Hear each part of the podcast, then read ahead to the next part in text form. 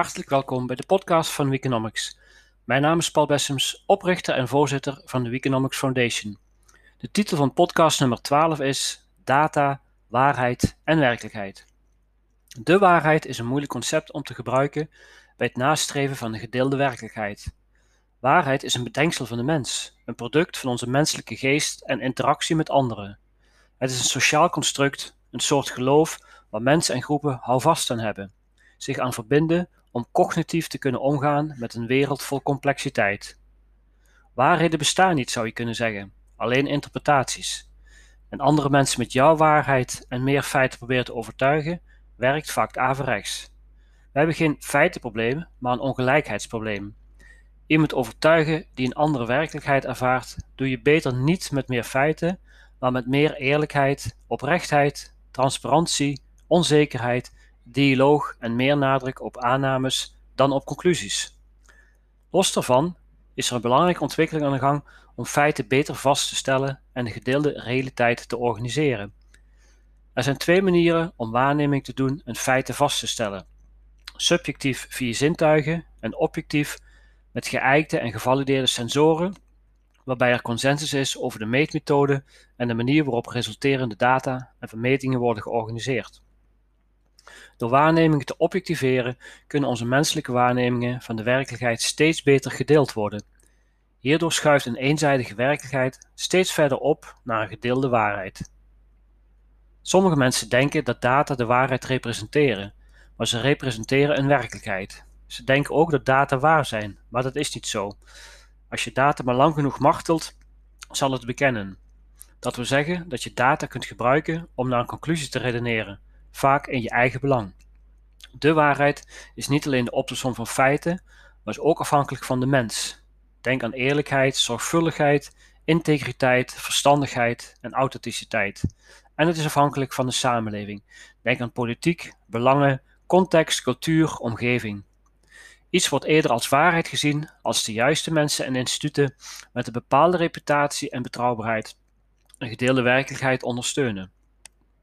Veel mensen denken dat wetenschap gelijk staat met de waarheid, maar wetenschappers doen op een specifieke en genormeerde wijze aan waarheidsvinding. Ze onderhouden een netwerk, delen meetmethoden, werken met peer reviews, openbare publicaties en instituties die feiten, paradigma's en theorieën in, houden, stand houden totdat ze deze verwerpen. Het succes en de toepassing van wetenschappelijke feiten wordt vooral buiten universiteit en laboratorium bepaald, waar mensen aan feiten hun eigen werkelijkheid koppelen. Dit betekent niet dat de werkelijkheid alleen maar een verhaal of context zou zijn, maar wel dat ze meer dan alleen maar de feiten, maar wel dat het meer dan alleen maar op feiten berust. De vraag is: wat is beter? Niets lezen en informed zijn of wel lezen en misinformed zijn? De manier waarop we onze sociaal-economische orde en daarbinnen vooral sociale media hebben ingericht, zegt eigenlijk dat daar waar het meest op geklikt wordt, waar is. Hierbij is het doorklikken niet gericht op waarheidsvinding, maar dient het belang van aandeelhouders van platform- en techbedrijven.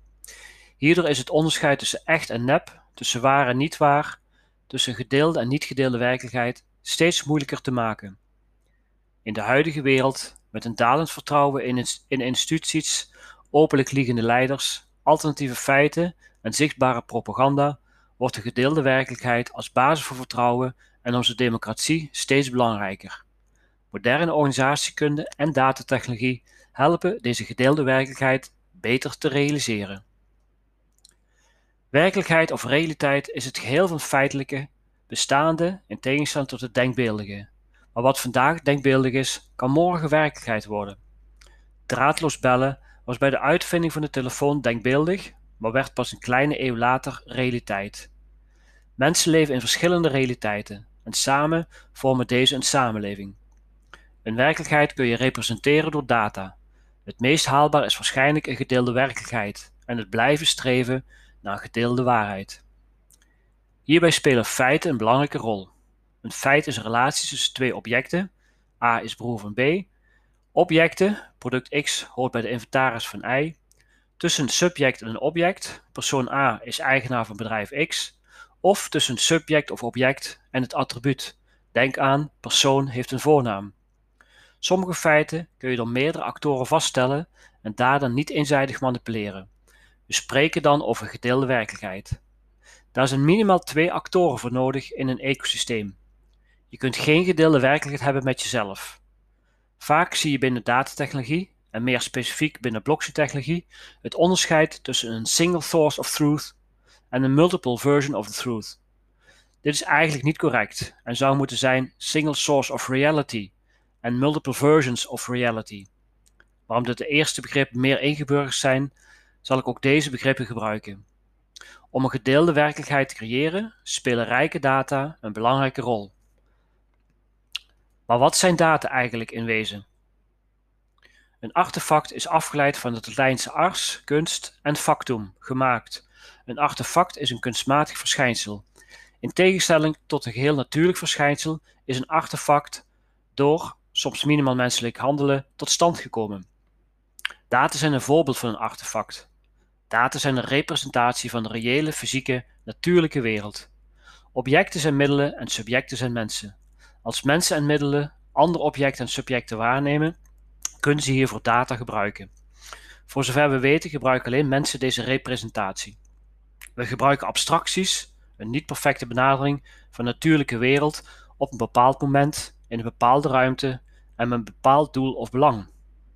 Data worden gebruikt wanneer mensen iets over andere mensen, middelen, interacties of transacties willen vastleggen en communiceren. Hiervoor wordt een oracle gebruikt. Binnen digitale ecosystemen is een oracle een intermediair tussen de reële en virtuele digitale wereld. Hiervoor kun je zintuigen, biologie of sensoren, technologie gebruiken.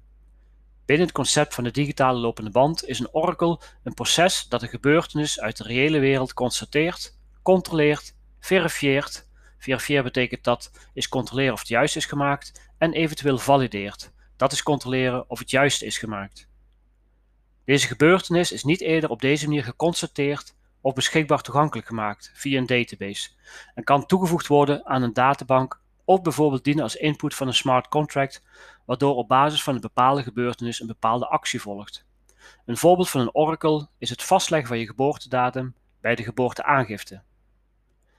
Data zijn een zoveel mogelijk objectief waarneembare vastlegging van subjecten, objecten en gebeurtenissen. Data worden meestal opgeslagen in een databank. Een databank is een verzameling opgeslagen gegevens, gestructureerd en ingericht om bijvoorbeeld gegevens snel te kunnen raadplegen.